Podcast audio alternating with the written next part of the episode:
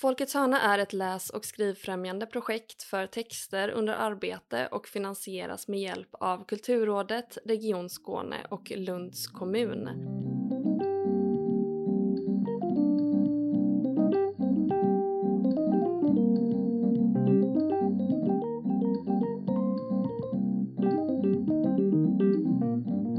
Hej och välkomna till Folkets hörna, en podd om den skrivande praktiken. Mitt namn är Agnes Stenqvist och idag är jag i Bagarmossen och pratar med Anneli Jordahl. Hej! Hej! Du är författare eh, och har skrivit både sakprosa och prosa. Förra året nominerades din roman Björnjägarens döttrar till Augustpriset och till Sveriges Radios romanpris. Eh, du är även sedan länge, sedan innan prosan, verksam som litteraturkritiker. I din essä Orm med två huvuden från 2019 så pratar du just om att vara både kritiker och författare, bödel och offer. Och jag tänkte att vi kanske kan börja lite i den boken. Du kanske vill förklara just, alltså vad innebär den titeln för dig? Orm med två huvuden. Vad har den för liksom mening för dig? Ja, um, det var uh, min förläggare som uh, kom med förslaget att jag skulle skriva någonting i Norstedts essäserie uh, om skrivande, en sån här Why I Write, mm. det är väldigt populärt och sådär. Och jag tänkte att jag har ju skrivit den här Klass är det fin nog för, ja det är ju 20 år sedan nu, så jag tänkte jag vill inte in i det där självbiografiska. Jag har redan gjort det. Och då sa han, men du kan ju skriva om hur det är att vara både eh, författare och litteraturkritiker. Och jag har alltid tyckt att det har varit ganska suspekt, även om det är hemskt vanligt och att, eh, att jag själv har haft, haft den rollen. Och så, så, så ja, jag tände inte riktigt på den idén. Men så lyssnade jag på Vetenskapsradion och då fick jag veta att i Kalifornien hade de upphittat en orm med två huvuden. Mm. Och ofta funkar det så för mig, att jag får höra en mening eller en formulering eh, som, och så får jag en blixt i huvudet och så såg jag då på de här två huvuden att där har vi författaren och där är kritiken och här är en konflikt. Eh, och konflikten för mig är att, eh, att jag då är den här böden som eh, sätter mig till doms över mina kollegor och, eh, och jag har alltid tyckt att eh, den rollen har varit ganska obehaglig trots mm. att jag tycker det är väldigt, väldigt roligt att skriva kritik. Eh, att gå till botten med en roman och försöka eh, se vad är det för teman här, vad är det för motiv, vad, vad kan man nysta i här och så. Jag tycker att det, det håller mig skärpt eh, på något vis och jag, jag har alltid gillat det. Men sen detta, jag vet ju själv då när jag går in i den andra rollen som författare hur förkrossad man kan bli. Eller jag har ju blivit det eh, eh, ett antal gånger och särskilt när jag tycker att det är orättvist att, att man faktiskt inte har sett riktigt vad jag har gjort. Mm. Och det går ju inte att bemöta det i Det går ju inte att bemöta det och, och, och det är en frustration. Mm. Eh, och sen är det ju som många författare säger att det kvittar hur mycket beröm man får för att de där onda meningarna förföljer en ganska länge. Och, så. och sen att jag då själv ska bidra till detta och, och jag vet några recensioner som jag skrev när jag var yngre som var djävulska. Mm, som också förföljer dig nu kanske? Ja, jag tyckte de var uh, uh, för taskiga. Mm. Och jag tycker inte att, alltså redaktörer älskar ju de här uh, offentliga avrättningarna, de där riktigt hårda och, och sådär. Ehm, och det kan vara roligt att läsa. Men jag, för min del tänker jag att om man är litteraturintresserad, då vill man ha en mer resonerande kritisk text. Mm. Och att man får mycket mer ut av eh, en sån recension än att någon triumferar i elaka formuleringar. Och, och, och, så, och när jag sen började skriva, jag började skriva skönlitterärt väldigt sent. Jag var ju 49 när jag Mm. debuterade. Eh, och eh, då märkte jag att jag blev... Eh, jag fick perspektiv på det där med kritiken och... Eh, och det blir mer och mer problematiskt för mig så att de sista åren har jag bett om att få skriva om döda författare och eh, utländska författare. Mm. För att jag tycker att det har blivit suspekt för mig att recensera mina kollegor. Särskilt samma år när jag själv kommer ut med en bok. Ja. Och jag är helt fascinerad över att, hur, det, hur många ändå gör. De recenserar författare på det egna förlaget och så vidare. Jag tycker det... Så gör man inte i min I eh, värld eh, Ja, mm. som kritiker liksom. Så, men, eh, men, eh, jo, men så tog jag den där då och försökte skildra det här hur man, eller jag, eh, våndas i min vardag Mm. över de här olika eh, skrivande, mm, olika texter som jag skriver då. Ja. Men det, kritiken, det är ju bra att ha de här korta texterna också. För att sitta med romanarbeten, det är ju, för mig är det ju minst tre år. Ditt eget alltså. Ja. Ja. Och, ehm, och då emellanåt känns det som att man knappt finns till. Liksom. Mm. Att Det man blir är liksom, helt eh, borta ur världen. Alla andra går iväg och, och till sina arbeten och sånt och de går på kick-off och de går på julbord och så man bara sitter helt, Ja. Helt ensam. Ja, exakt. För den här boken, som du säger, det är ju en, en eh, how to write-bok. Mm. Eh, men den har ju också eh, mycket just självbiografiska inslag. Mm. Jag tänkte på just de här två sakerna, eller två saker du tog upp nu. Eh, det ena ensamheten och det andra Mm. att komma in i skrivandet sent. Ja. Och jag tänkte just om vi börjar med det här att du Mm. debuterade så sent.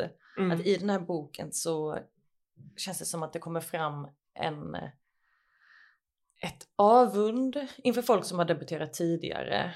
Och Oh, ja. kanske också en... Eh, Folk som kommer från konstnärliga ja exakt, dels, familjer. ja, dels folk som har... Föräldrarna är eh, författare eller skribenter. Exakt, Och, dels Mm. det och sen också att det känns som att det beskrivs en, en stress inför att inte hinna skriva allt som du vill hinna skriva. ja.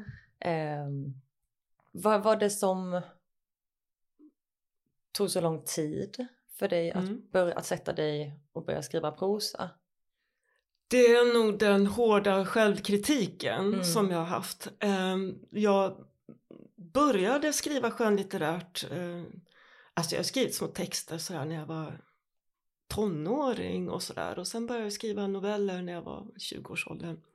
Skickade in till olika, då fanns det gruppantologier som gavs ut på, jag tror både Brombergs och Wahlström och Widstrand. Ehm, där man som eh, blivande författare kunde eh, bli publicerad för första gången. Och då skickade jag in ett antal år då, två år tror jag, och eh, kom inte med. Mm. Och, ehm, och då tog jag det som ett bevis för att jag inte hade någon gestaltande förmåga. Mm. Alltså det är ju förfärligt. Så att när jag eh, håller föredrag eller är inblandad i olika skrivarkurser så säger jag just det här. Följ inte mitt exempel. Bara skicka in igen och igen och igen. Liksom. För det finns hur många exempel som helst. Man har skickat in ett manus 48 gånger och Mm. 49 gång så blir det publicerat och blir en världssuccé dessutom. Exakt. Så att eh, nej, där, där, nej men där skulle allt hade underlättat ifall jag hade haft någon i släkten som skrev som kunde säga nej men du ska väl inte ge upp nu, det är ju bara att fortsätta. Mm. Och sådär och skriv. Eh, vill du bli författare, det, det viktiga är att bara skriva. Och sen, man får ju höra så mycket bisarra saker som du måste hitta din egen röst. Jaha, men vad är det då?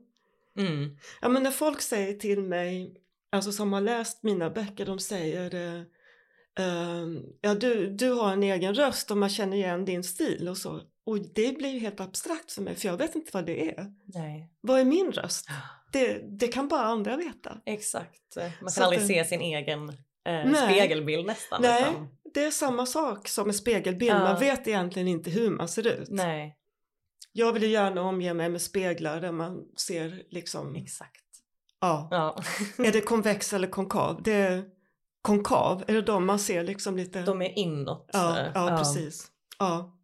Nej, eh, och det är ju det är svårt för att skriva är ju också bara att ens röst finns väl inombords. Mm. Liksom det är väl, det är väl eh, samma sak som personlighet på något sätt. Mm. Och sen kan man inspireras också av andra och försöka men någonstans landar man väl alltid i jag, jag skriver bara och det är så här jag skriver. Mm. Eh, Så att det, mm. det, det är ju egentligen bara att hålla på och hålla på. För det, är- det är precis som träning så är det ju en färskvara. Alltså man märker efter sommaren att oj vad stel jag är. Mm. Eh, och, och sen så får man träna upp sig igen så att eh, kroppen fungerar. Det är ju samma med skrivandet. Har man varit borta från det väldigt länge så går det ju ganska trögt. Mm. Ja exakt. Man får ha Eh. någon sorts frimodighet i skrivandet och man ska inte döma från början för det har jag gjort. Mm. Och jag har så höga krav och, eh, och i och med att jag har eh, haft någon överdriven vördnad för litteraturen som har varit min räddning. Mycket på grund av att min familj flyttade runt så mycket. Alltså jag gick ju i ny skola hela tiden. Men bara det fanns ett bibliotek i närheten så kunde jag ha något hemma Mm. där och så. Men att sen då själv skriva böcker när man högaktade litteraturen och författare. Nästan beröringsskräck eh, i det. Ja. ja. Mm. För du skriver ju också om just det med självförtroendet. Alltså Mm. dels att du placerar dig i en grupp av folk där skrivandet är ett motstånd Mm. och skrivandet är eh, plågsamt nästan. Mm. Eh, och du har dessutom i med två huvuden en slags inre karaktär, en slags fyrerin som du kallar för majorskan. Majorskan. Ja, kan du inte berätta lite om med majorskan? piska, hård röst. Ja. Och hon går som ger bakom dig. omdömen. Eh, godkänd, icke godkänt, men aldrig väl godkänt. Mm. liksom. Det du- duger aldrig riktigt. Nej. Och det är... Ja, jag vet inte hur jag ska bli av med det. Och jag får ju ofta frågan, men det där måste väl, nu ska du skriva din sjätte roman, nu måste väl där ha släppt lite grann. Nej, Hon är kvar. hon är kvar. Mm. Så nu håller jag på med en roman och i somras så då var jag helt bestämd över att jag skulle höra av mig till förlaget och säga det här är för svårt och nu har jag gjort det så svårt för mig så att det blir ingenting, det bara är så. Det är så jobbigt när Så- man gör det svårt för sig. Men det är Ja. också då det är roligt. Det är då det är roligt och det är därför jag aldrig går på sånt här eh, uppmaningar om men skriv en trilogi, fortsätt på Mona och så. Nej, jag måste skriva någonstans där jag känner mig som barn på nytt. Mm. Eh, där jag får skärpa mig, skärpa alla sinnen. För annars eh, tror inte jag att det blir bra. Så att någonstans har jag förstått att jag måste vara sådär osäker och självspäkande för att eh, alltså det ingår liksom i min person för Ja. att jag ska ta det på allvar och kämpa. Mm. Men kan du hantera det också på något sätt? Alltså majorskan får inte ta över heller tänker jag. Eh, Nej. Det Eh. gör hon ibland faktiskt och då, Ja. då bara släpper jag skrivandet och sådär. Och, men, eh, och, och noterar då hur andra författare mer odramatiskt skriver hela tiden och till skillnad från mig då så är det deras sätt att andas medan mitt sätt att andas det är att läsa. Mm. Jag läser oavbrutet, jag läser horribelt mycket hela tiden. Och det är sån eh, både trygghet och spänning och drog och ett sätt att hålla mig upprätt. Mm. Jag funderar lite på just skrivprocessen när det kommer till den här boken. Eh, som du sa, det är ganska populärt att skriva eh, böcker om hur man skriver. Mm. Eh, och den här kom ju från, om jag förstått det rätt, en skrivkrampe. Att du inte kunde skriva någonting. Ja, jag tycker alltså ett romanarbete är eh, krävande. Och jag har ju... Eh, jag vill ju bilda mig via mina romanfigurer så att jag eh, gör ganska mycket research och arkivarbete och så. Och den romanen som föregick Orm med två huvuden var ju den här Som hundarna i Lafayette Park. Mm. Ja, då, då läste jag så mycket och det var så eh, det var tekniska svårigheter att få ihop den här förbittrade med all rätta förbittrade äldre kvinnan på landsbygden som hade förlorat sin man i en arbetsplatsolycka och få ihop henne med medborgarrättsrörelsen och Black Lives Matter och Angela Davis. Mm. Alltså tekniska svårigheter. Så ja, så att jag var väldigt eh, utmattad efter den. Eller trött på att skriva helt enkelt. Så då var det ju bra att den där lilla boken kommer med. Det är mycket jobb med, det är mycket jobb med alla böcker, Mm. även en tunn essä. För att det, man måste liksom vaska fram vad man ska skriva och så sen skriva om och skriva om och skriva om. Mm. Sådär. Så är det ju med allting. Tänker man på? Jag tänker att man... Alltså hur skiljer sig de skrivprocesserna? Eller så de likadana ut? eh, Alltså till den här essäboken och eh, dina böcker som kanske kräver då mer research. Ja. Um, nu ser det ungefär, det är ungefär samma process har jag märkt. Förutom då när det är väldigt mycket research då blir det ju mycket anteckningsböcker. Många. Mm. Anneli visar upp här nu Ja. sina anteckningsböcker. Många böcker med anteckningar och, och, och sådär. Ehm, ehm. och det, det är en del av skrivandet som jag tycker är väldigt kul. Nu har jag ju påbörjat här en ny roman och då gäller det att köpa en, en fin anteckningsbok. Det ska vara ett fint papper. Olinjerat. Absolut Ja. olinjerat och det är ett oskick nu. Alltså nu har jag gått i så många butiker Det är och tittat så på svårt att hitta olinjerade. de linjerade tar över. Ja. De tar ta fan över och jag är förbannad. för att eh, jag känner mig som en fånge. Mm. Det ska vara rena blad så här då. Och, Och fritt. Ja. och fritt ja. Och så då, då börjar jag, mm, och det här är så roligt att tänka teman, Mm. dikotomier, motsatser. Och sen att samla på ord som jag också gör, skriver jag ner det. Formuleringar. Så kommer det scener och tematik och tit- grunna på titlar. Alltså sånt är ju Mm. väldigt kul. Ja. Och sen tar nästa process vid, då sätter jag mig vid ett sånt här eh, eh, ritblock som tecknare har. Mm. Och det var faktiskt en ehm, dokumentär om eh, Nobelpristagaren eh, Orhan Pamuk ehm, som eh, visade hur han skriver för hand med blyerts i de här. Och när jag började med det så tyckte jag det var så skönt för då, blir det, då skriver jag scener här Mm. och då kan jag ju ligga var som helst, jag ligger i soffan eller allt blir väldigt anspråkslöst. Istället för att jag skulle sätta mig vid datorn och så skriva en scen där så har man liksom hela cyberrymden och blir skärrad. Det här är lite anspråkslöst och sen skriver jag in allt detta i datorn. Så växer boken efterhand Mm. och så. Men det här samlandet och då kan jag liksom rita, klippa in saker från som jag hittar i tidningar. Eller om jag går och ser någon konstutställning så jag såg en, jag var på eh, Alma Löv museum i Värmland och Karin Bros eh, hade en utställning där och då såg jag yngsta flickan i Björnjägarens döttrar, Elga. Mm. Så här, där är hon. Hon stod på en bro med långt rött hår och hade en vass näsa och såg sådär lite elak och farlig ut.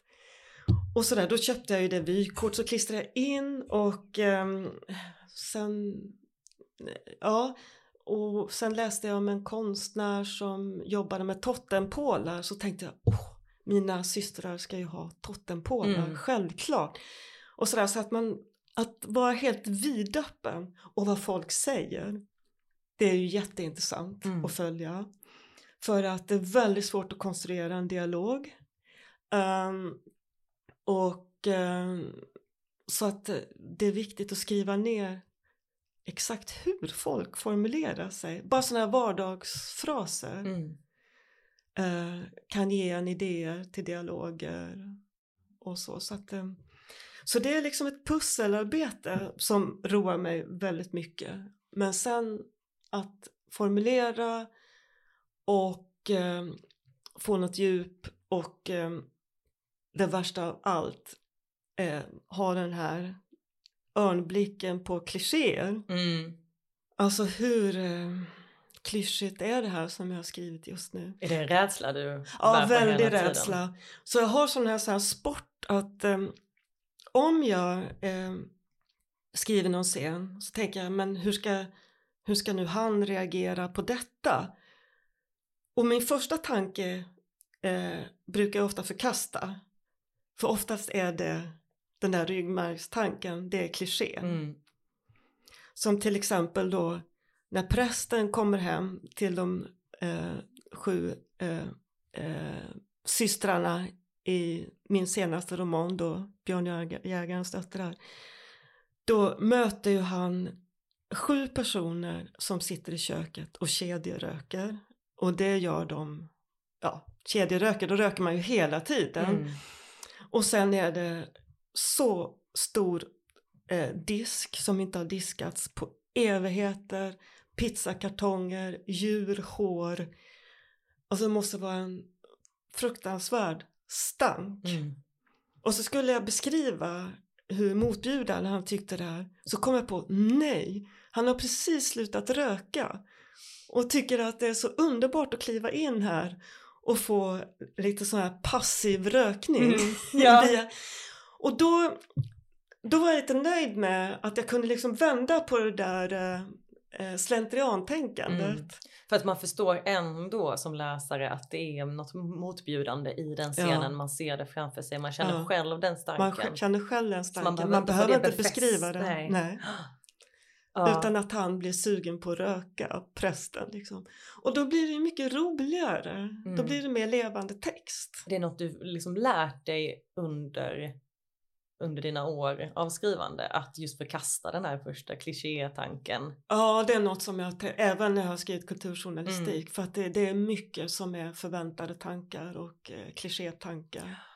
Man måste vända på det, på, på de här eh, givna Mm. tankesätten, för annars så kommer vi inte vidare. Liksom. Nej, Det känns som att det är väldigt viktigt för dig just att hela tiden komma vidare, utmana dig själv och Mm. se saker från andra håll. Mm. Vet, du skriver ju också om det i Orm, alltså du pratar lite om förfrämdungseffekten. Mm. Eh, att det är ju att skriva om något välkänt på ett sätt som får en att se det med nya ögon nästan. Ja. Ja. Och det är inte lätt, men det är ju det som... Eh, Nej, för det får inte kännas författarrollen som- forcerat heller. Det får jag. inte kännas... forcerat. eh, Att det är så här, nu ska, försöker jag göra det här Nej, nytt. Liksom. Du måste Att, ändå... eh, nej, precis. Det det får inte bli konst. liksom någon stelnad mot tanke utan eh, Nej. det, det ska, ju, ska ju fungera. Mm. Men de här skriv eller anteckningsblocken, har du med dig dem under hela skrivprocessen, under hela romanskrivandet? Ja. Eller är det liksom förarbete? Eh, ja, eh, men när jag har skrivit in alla scener och tänker att nu har jag en stomme som eh, så här ska det vara. Mm. Nu, nu har jag byggnadsställningarna. Då går den här bort. Då Mm. behöver jag inte dem mer. Då är det på Då datorn? är de eh, så. Ja. Ja. Ja, och sen har jag nu, nu har jag lagt fram här. Det är ju så bra nu eh, att man bara kan slå upp synonymer eh, på nätet. Det är väldigt enkelt. Men jag har gamla synonymordböcker bredvid mig när jag arbetar. Trots det, för att då får jag syn på alla andra ord runt omkring. Mm. Och oftast hittar jag ord. För det är också viktigt med arbetet att samla på ord. Eh, tycker jag. Eh, vad, vad är det för eh, ord som, alltså jag hittar ord för varje bok. När jag skrev om en kurort i slutet av eh, 1800-talet, eh, Augusten bad en sommar, eh, då lyfte jag delvis fram de som arbetade på kurorten och då fick jag fatt i ordet glansstrykerska. Mm. Och så tänkte jag det är så vackert. Ja. Glansstrykerska. Och så, jag tänker ofta på hur ord ser ut i tryck. Och så här i romanen om Mona, Låt inte den här stan plåga livet ur dig Mona. Då var det mitt älsklingsord där var pälsmannekäng. Ja. Det sätter ju så också... Så fint. Ja någonting i en kontext så mycket. Alltså att ett ord verkligen kan öppna en hel värld, ja. både tid och rum. Att man placeras Visst. direkt i en scen av ett ja. ord. Så ja, det, där, det där tycker jag är, är väldigt roligt. Så försöka hitta lite sådana ord som kan bli liksom emblematiska för just det här eh, romanprojektet. Mm. Liksom. Vilket var Björnjägarens, eh, har du tänkt Oj, det? Um, det kommer jag faktiskt inte på nu. Då måste jag nog tänka efter. Ja. Um, hmm. Då måste jag tänka ja. det faktiskt. Det var väldigt roligt, rolig fråga. Men i den var det ju lite roligt, alltså det handlar ju om att leva i naturen och skogen. Men det är ju liksom ingen ekoprosa, det är liksom inte miljörörelsen. Nej. Utan snarare tvärtom för att de skjuter djur och använder sig av pälsarna mm. och, och, sådär. Och, och, um, så det är mer de typiska orden där är väl liksom pälshandlare. Mm. Kurs, körsnär. Körsnär ja, körsnär. ja, körsnär ja, pälshandlare ja. ja. Det är ett väldigt bra ord. Ja. Först när jag läste det, jag kände inte till det ordet innan så då Nej. trodde jag att det var att i och med att eh, flera av de här syskonen är lite analfabetiker och eh, som sagt lever utanför samhället, att han var en konstnär men att ja. de inte förstod eller kunde ja. säga det som någon körsnär istället. Mm. och sen jag bara, ah, okej okay, det är... ja. Men det är också en sån där idé att jag, jag tycker om äldre ord eh, som har fallit i glömska men som är väldigt fina. Mm. Och då tänker jag att, att, um, att få prosan att kännas frisk och levande så, så ska man hitta en bra blandning av ett och annat äldre ord som, man, mm. som jag då ofta slår upp. Mm. Vad är det här? Vad, vad sjutton betyder nu det här? Liksom? Ja. Jag tänker att det, om vi går in lite på eh, Björnjägarens mm. döttrar där. Vi kan ju börja med att eh, berätta att det är en eh, en bok som är inspirerad av en annan bok eh, av eh, Alexis Kivis, Kivis, eh, Kiwi. Kivis mm. eh, hans roman Sju bröder från 1870 mm. Eh, och handlar om då sju systrar som växer upp i, i nutid mm. med allt vad det innebär med digitalisering och eh, hur samhället ser ut. Men de lever totalt utanför samhället, blir ganska snabbt föräldralösa och flyttar ut långt ute i skogen och de är väldigt råa och som du säger de jagar och eh, skjuter och eh, är självförsörjande i, i den mån att de då de reder sig själva eller gör de det helt och hållet? Kan de det? Och hur funkar det då i kontrast med liksom vad samhället vill? De, någon ber dem öppna ett, eh, eller så här, ge mig kontonumret eh, så kan jag sätta över pengar och att de förstår inte vad de menar. Liksom. Där mm. har vi verkligen den här i sig kontrasten mellan det gamla och det nya. Om du tänker som du pratar om med ord, att blanda det mm. på ett väldigt eh, fascinerande sätt. Eh, jag är väldigt intresserad av, för det här är ju den första boken efter Ord med två huvuden. Hur, hur kom den här boken till dig? Mm. Um, jag jag fick den här idén att eh, utgå från en klassiker och använda den som stafettpinne och dra den vidare och skriva någon, eh, något modernt projekt mm. utifrån mm. den. Eh, tanken roade mig och, och, men jag, hittade ingen klassiker som tilltalade mig riktigt förrän jag stod på något antikvariat och då såg jag den där Kivis sju bröder som jag hade läst för rätt många år sedan när jag satt i Helsingfors och eh, läste eh, finländska författare eh, för att jag var så fascinerad av den traditionen och den finska filmen och, och ehm, ja, den kulturen. Jag fick mycket vänner i Helsingfors, jag åkte dit väldigt mycket. Mm. Så när mina kompisar var i Paris och London och, och New York så var jag i Helsingfors. och, så, och så kom jag på hur det kändes att läsa den där romanen. Att jag, jag tyckte att språket var så otroligt häftigt att bara få vara i det språket. Och det var då i eh, poeten Elmer Diktonius översättning.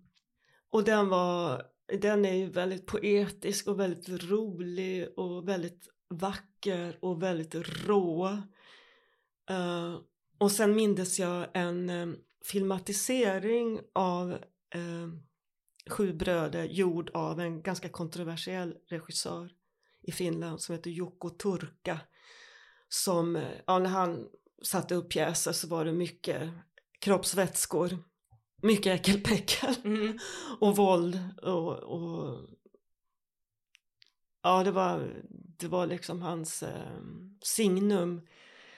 Men jag tyckte att den här filmatiseringen var så rolig för där satt de här sju bröderna som en enda kropp och de, de var aspackade och snorade och snusade och, och försökte prata om livet och de var lite filosofiska som det ofta är i de här eh, finländska romanerna. Man pratar om existensen. Liksom. Och det var just där som jag tänkte, ja, men hur skulle det se ut om det var sju unga tjejer som sitter så? Mm. Alltså hur skulle, det, ögat är så ovant vid det. Mm. Ehm, och de här då bröderna de jagar och fiskar och slåss och super.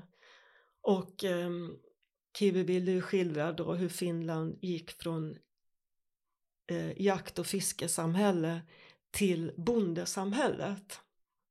Och då tyckte jag att den där idén var så rolig. Och så fick jag också en sån där idé om att strunta i alla mina principer.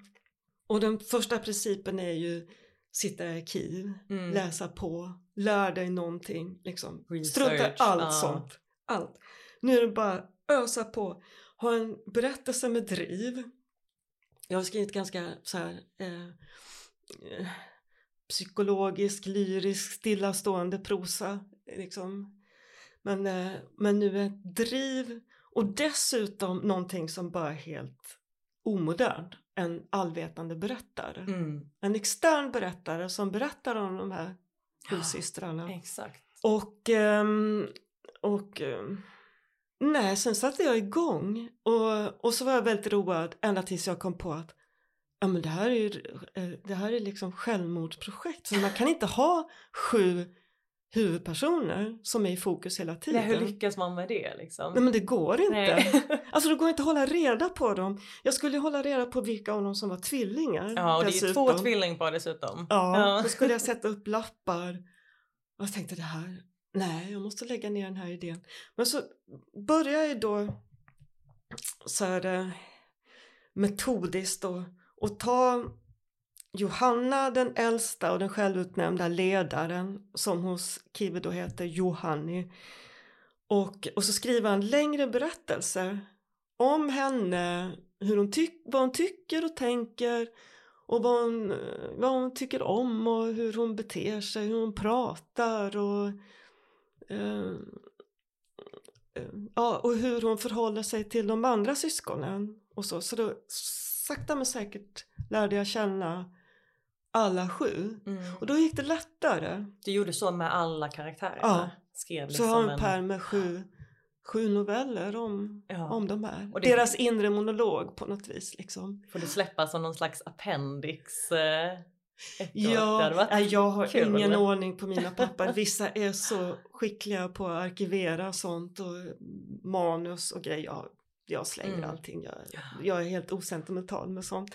Så att jag, ja, det kanske ligger någon av dem någonstans och sånt. Jag, jag borde ha, om jag hade varit rik hade jag anställt en arkivarie. Ja. Jag bara slänger grejer. Men ja, det känns ju som en alltså, otrolig, man blir väldigt fascinerad av tanken just hur så den här skrivprocessen ut. I och med att det är, det är en sån stor bok och som du säger med så många karaktärer också. Och att när man själv börjar läsa också så känner man ju lite som du själv kände. Man bara, men hur ska jag kunna hålla koll på alla de här? Mm. Eh, men sen utkristalliseras de och att de är ju också olika. De har olika drag och de vill olika saker. Eh, och eh, hur du skrev de här novellerna om man vill kalla det det för dem. Men hur gjorde du med hela historien? Hade du liksom den framför dig? Är den lutad? Jag har inte läst Chivis eh, roman själv, men är den lutad mot den? Och hur mycket har du frångått den eller hur mycket har du liksom följt den? I stora drag har jag följt um, så att uh, de, de övergripande personligheterna har jag plockat. Det finns ju då eh, Simeone som är troende Mm. och uh, den yngsta då som är lite uppkäftig och kvick i huvudet och, och alltså att de, de har olika alltså prä, olik, de är präglade i Kiwis roman och det har jag flyttat över men sen har jag i Kiwi är det ju mycket dialoger och han, alltså beteenden, inte mycket inre tankar men det förde jag in. Mm. För att jag tycker det blir mer spännande då om man får med eh, inre, inre tankar. Det svåra är ju, och det är svårt överhuvudtaget när man skriver, att eh, eh, dialogerna, den här är ju väldigt dialogbaserad eftersom Kiwi var dramatiker. Mm. Sju bröder är ju nästan dialoger rakt upp och ner. Eh, det är ju att dialogerna ska ju vara individualiserade. Eh, så det får inte låta som Anneli Jordahl gånger sju. Nej. Utan man måste... Och inte heller syster gånger sju utan alla måste ju också ha lite sin egen ton. Alla måste ha sin egen ton och så. Så att det, det var väldigt mycket pill och jobb med, med detta. Ja. Och jag funderar också på om jag skulle ha lite roliga finska svordomar och Mm. så.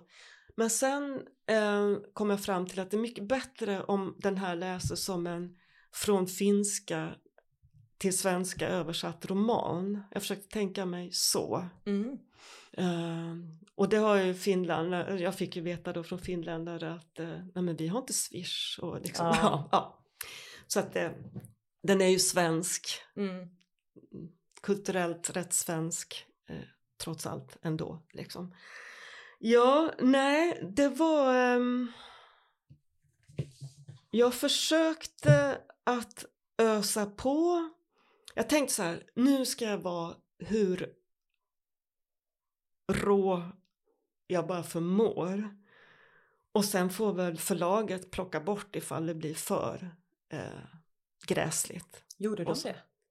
Nej, nej. Nej. nej, de plockar bort uh, upprepningar och sådana osnygga saker och, Mm. och. Städade lite. Städare, rätt duktigt städar de. Och att man har glömt att man har skrivit saker långt tidigare. Och sen i och med att, alltså ett problem med att skriva när man inte skriver varje dag som jag, det är ju att man kan börja med ett stycke och det är vinter. Och sen kan det gå en tid så fortsätter man på det stycket och sen så är det då plötsligt sommar. Mm. Ja, alltså Ja. i din, eh, i romanen. Ja. Ja. och då måste ju redaktören vara väldigt skärpt. Mm. Och det, Samtidigt tycker jag det känns som ett tema i, i all, allt det jag har läst av dig att tiden kan vara ganska flytande. Att det kan helt plötsligt ha gått lång tid Mm. och att man reagerar oj men nu har det gått så här. Mm. Eh, men det är ju också på något sätt lyxen med att vara en läsare. Eh, att man har den här tilliten till författare. Att vadå är det så det ska vara? Att man accepterar det direkt och det behöver inte vara någonting negativt. Och på samma sätt eh, när man eh, läste den här Björnjägarens döttrar att man får direkt en känsla av att det ska vara ett epos nästan, att det ska vara deras liv. Och sen förstår man, ja ah, men det här är nästan bara några månader Mm. som, eh, som eh, beskrivs. Mm. Och det är just det temporala där är, tycker jag är, är fascinerande snarare. Mm. Att, Mm. ehm, att få följa. Jag skriver ju sådär väldigt mycket hugskott och det är ett problem jag ofta har med mina böcker. Att redaktören får jobba mycket med tid. Alltså om jag ska skriva något havandeskap så har jag och de säger men det är ju nio månader, du måste förstå. Och sådär, liksom allt bara upplöst. Jag tänker, men det behöver man inte bry sig om. Men hon är ju 13 här, hur kan hon vara 12 där? Ja, nej, det måste du vara. Det måste vara lite konsekvent Mm. där liksom. Så kom jag på att jo men det måste jag nog. Och så. Så att det, det har du rätt i, det blir väldigt upplöst i tid. Jag tror inte att jag tänker på det sättet så att jag måste få hjälp med det helt enkelt. Ja, eller inte. Eller, Eller inte, men Ja. det, det, det beror på vad för typ av läsare. Vissa läsare blir väldigt frustrerade ifall det inte är exakt Mm. och, och kongruens. Hur är det med kongruensen? Liksom, skit i den, njut av texten. Mm. I bästa fall. Liksom. Ja, men. Men det är klart att det ska hänga ihop och sådär. Men jag är ju ingen sån som har någon stomme eller synopsis och sånt. Det tycker jag verkar jättetråkigt. Mm. Jag vill gå på upptäcktsfärd tillsammans med karaktärerna. Så det som eh, är likt eh, Kiwi det är ju just att de bor på den här gården ganska nära ett större samhälle. Föräldrarna dör och sen så flyttar de ut i vildmarken. Det är likt Kiwi. Men sen i hans roman i den sista delen då blir de bönder och blir eh, bildar kärnfamiljer och blir liksom civiliserade eh, medborgare. Och jag tyckte inte det passade mina flickor. Mina flickor Mm. började jag tänka så här, nej. Utan i sista delen, i och med att deras extremt patriarkala eh, pappa som tycker han är gudfader själv eh, har bestämt hur de ska leva så, så i sista delen så får ju de upptäcka världen med egna ögon. Och så, så att jag kom fram till att jag håller på med så här motsatser, att det är så viktigt att ha de här motsatserna eh, stad och land. Att de, de, för att fördjupa det så måste de ha ett möte med staden. Och där jobbar jag också med den här mottanken för i film och i litteratur så möter man en lärare, en eh, representant från sociala myndigheter och de är nästan alltid negativt skildrade. Mm. Eh, prästen negativt skildrad. Och då roar det mig att alla sådana här representanter från sociala myndigheter är liksom lite bussiga och påhittiga. Och så när de har ett möte med, på socialkontoret med Ritva då är hon så kreativ så istället för att tänka jaha vilken fosterfamilj ska de här ha- hamna hos? Alltså hon inser ju att det är ingen idé. De här Mm. kan man ju inte placera Nej. någonstans. Så då säger hon istället men vi kan ju laga er tak där det regnar in. Och så, här, så kan ju ni bo där, vad vill ni göra? Och så här. Alltså att de är lite roliga och bussiga. Mm. Jo, ehm, så det var ju, jag jobbar ju med de här motsatserna, stad och land, kropp och intellekt. Mm. Eh, för att om man ska fungera i en grupp, de blir ju som ett litet samhälle, de här sju systrarna som bidrar med det de kan och så. Och då behövs ju de här tre äldsta som är muskulösa och oerhört starka. Det är de som jagar och fäller träd och bygger och så. Medan de yngre är lite mer fysiskt rädda och de vill hålla på och skriva och pyssla och, och sådär. Och blir då också djupt föraktade av Mm. de andra. Men alla de här behövs ju i ett samhälle.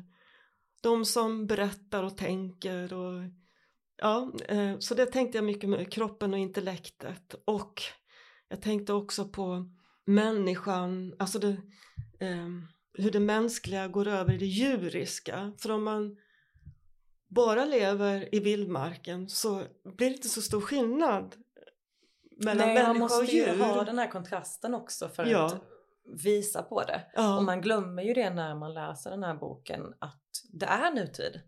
Speciellt i mitten då när de lever isolerade. Eh, och det är ju just när nutiden och samhället med alla dess normer kommer in som det sätts i kontrast till varandra. Mm. Och det känns inte heller orimligt, även om den ibland känns nästan sagoaktig. Så, Det är en idé. Ja. Vildmarks saga har jag tänkt mycket på. mm, Och eh, jag tänkte också på eh, eh, att Kiwi var väldigt inspirerad av Shakespeare. Det var många författare på den tiden. Eh, första delen av 1800-talet. Och, och det var just det här som Shakespeare arbetade, att det är ganska grovkornigt folkligt och poetiskt förädlat. Det är liksom realism och det är fantastik. mm, Och sen är det drama, mörker och väldigt mycket humor.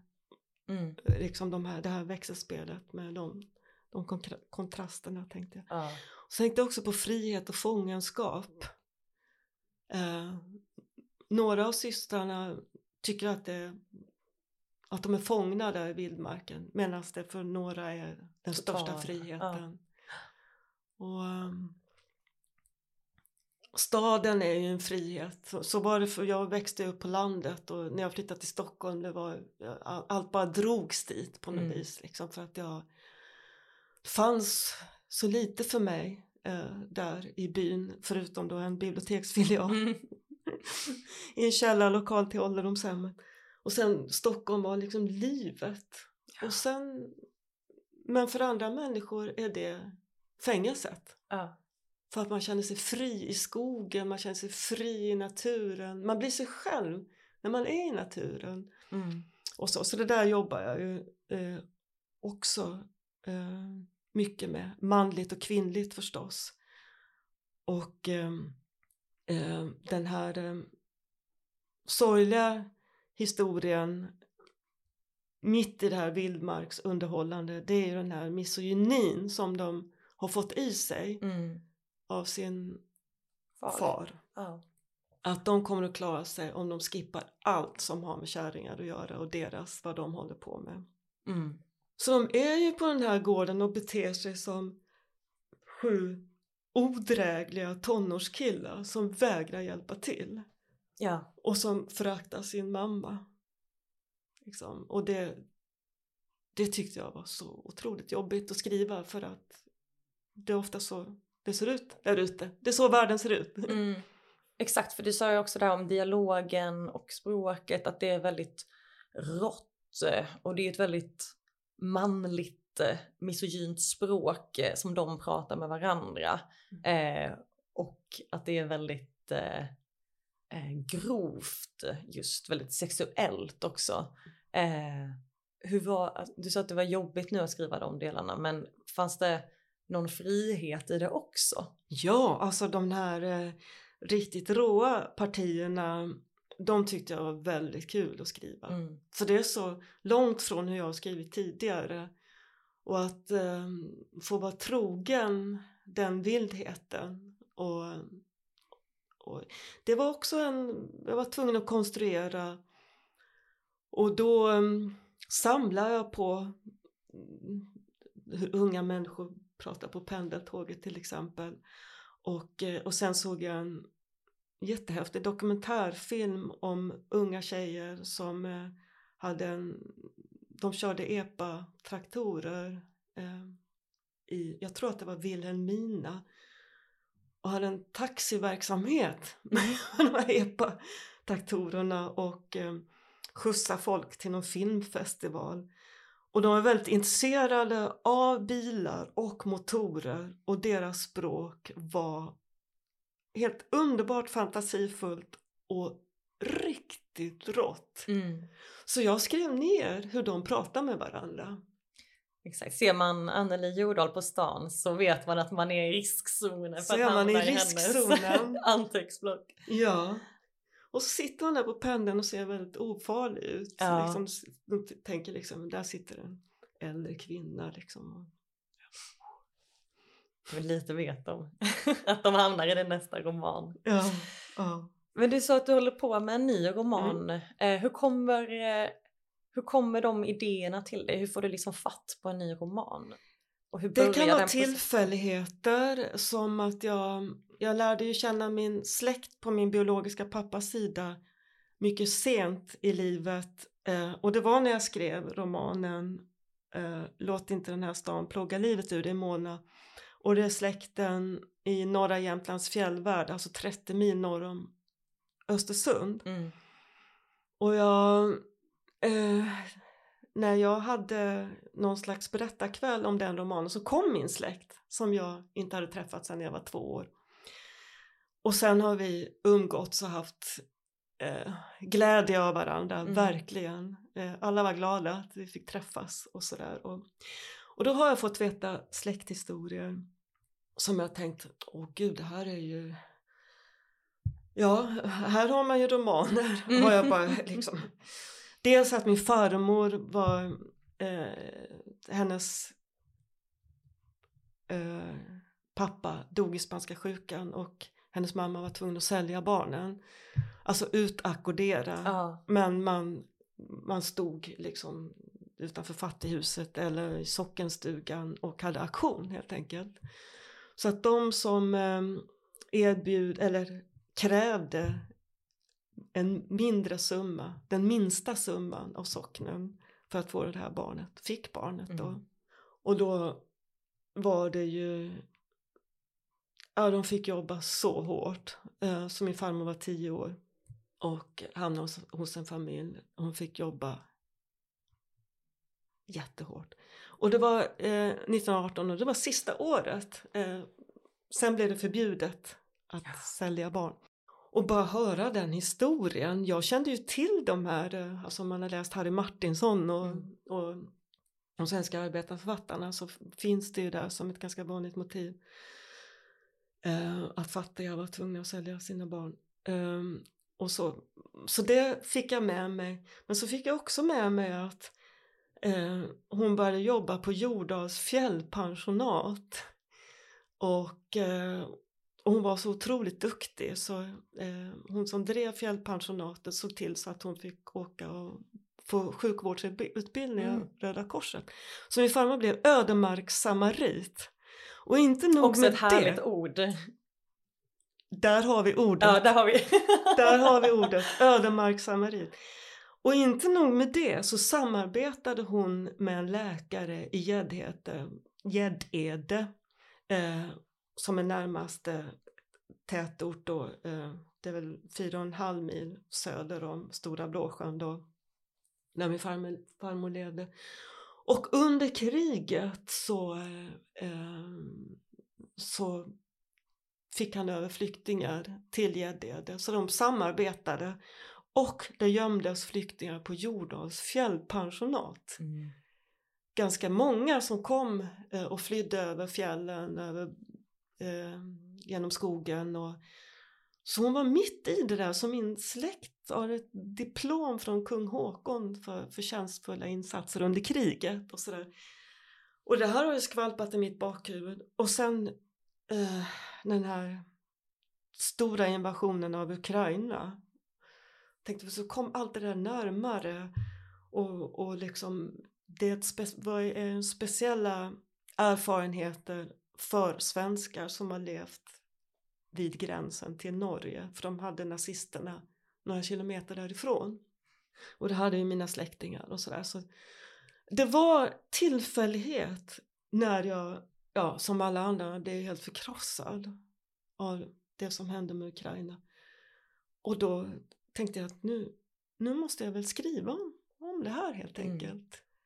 Så då är du tillbaka nästan i det researcharbetet? Ja. Tillbaks igen. I arkiven. Så det svåra har varit nu, nu får jag inte upprepa men jag skriva samma typ av prosa. Vad ska mm. jag skriva för ny? För jag är lite road av att prova någon ny, ny, ny uh, ja, något nytt uh, litterärt dra, någon ny dragkrok på något Mm. vis liksom. Och det, Det- det har jag kanske- väl inte riktigt kommit fram till ännu men Det kan vara liksom allt från formen till Ja. perspektivet Ja. till eh, tilltalet. Liksom. Ja. Det kan vara allt sånt. Men provar du dig fram då när du, när du tänker så, men jag vill göra någonting nytt.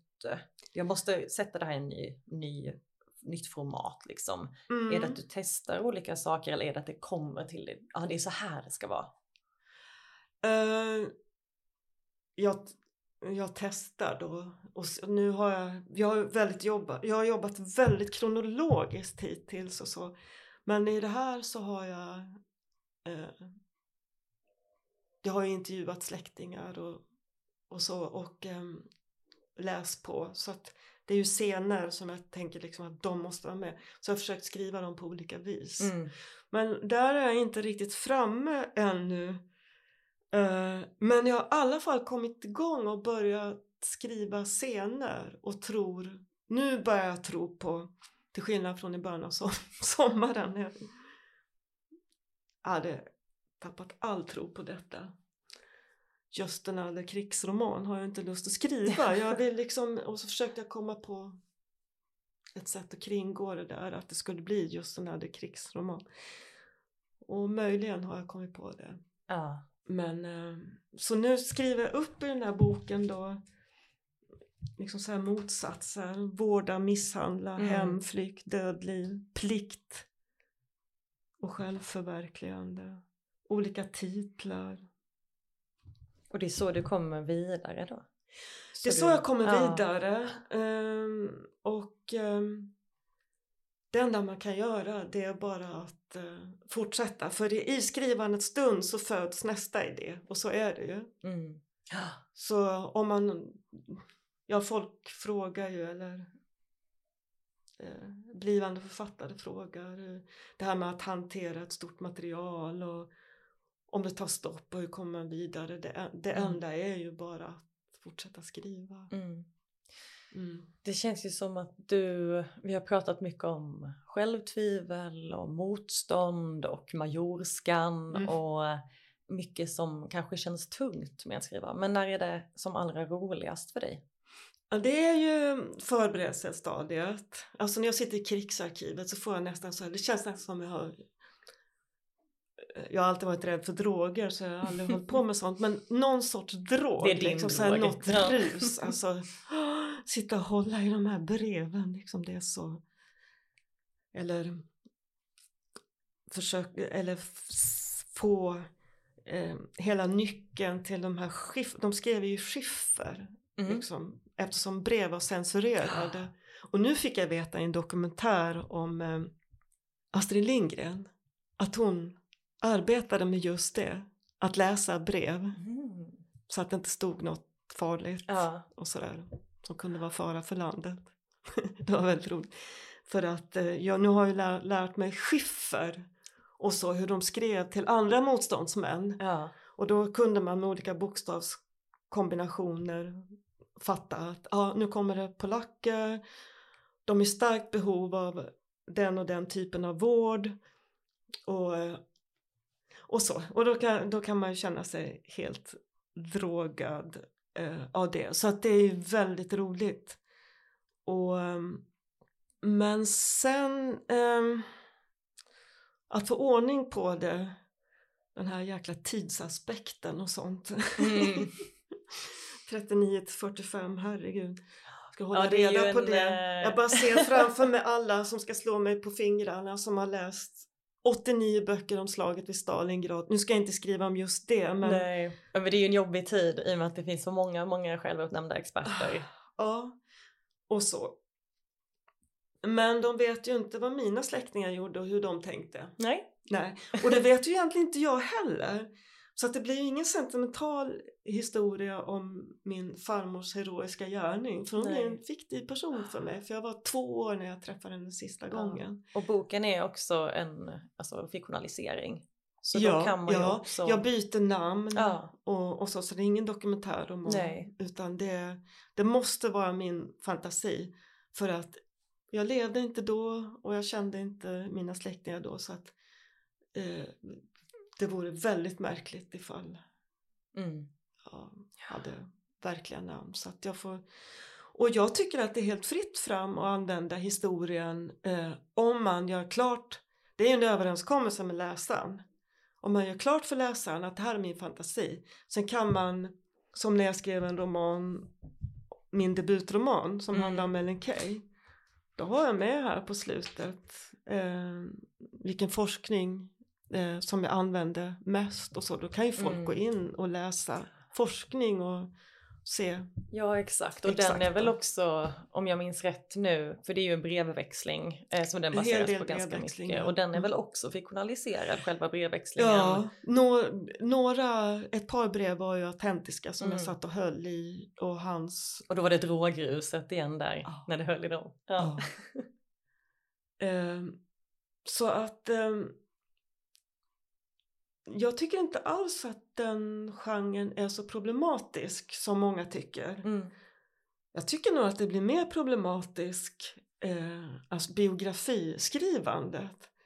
Man kan ju läsa, om man har en favoritförfattare och läser olika biografier så kan ju de ha helt skiftande uppfattningar om mm. hur den här författaren levde och hur, så att eh, jag det tycker det är mer problematiskt när man utger sig för att komma med sanningen och forskningen. Ja. För övrigt tycker jag att författare är helt fria och, och fantisera. Mm. Jag hade gärna pratat flera timmar till med dig, Jag Anneli. med! Det har varit jätteroligt att prata med dig. Eh, Men eh, tiden börjar rinna iväg och Mm. jag tänkte bara kolla om det är något sista du vill tillägga. Ja, det är väl eh, min oro nu eh, över domen i Finland. För Björnjägarens döttrar kommer snart ut eh, på, på finska. Ja. Och ifall de eh, tycker att det är en eh, hyllning eller en usel stöld. ja. Oj gud vad spännande. Vet du vilket datum den kom ut? Förmodligen 10 oktober för Ja. det är kiwi-dagen. Oj. Ja. alltså då är det Mm. liksom ett stort, eh, en stor röd kryss på den dat- Ja. datumet i kalendern nu. Eh, Ja, ja. Mm. Vad spännande. Mm. Ja, men då har vi också någonting att se fram emot. Jag tror att de kommer tycka det är en hyllning. Det får vi hoppas. Men ett stort tack för att du ville vara med här. Det har varit jättetrevligt. Mm. Ehm, och tack till alla som lyssnar. Ni får jättegärna om ni tycker om vår podd eh, lämna ett betyg på Spotify eller på Podcaster och jättegärna skriva någon liten kommentar om ni vill. Eh, med det sagt, tack och hej då! Hej då!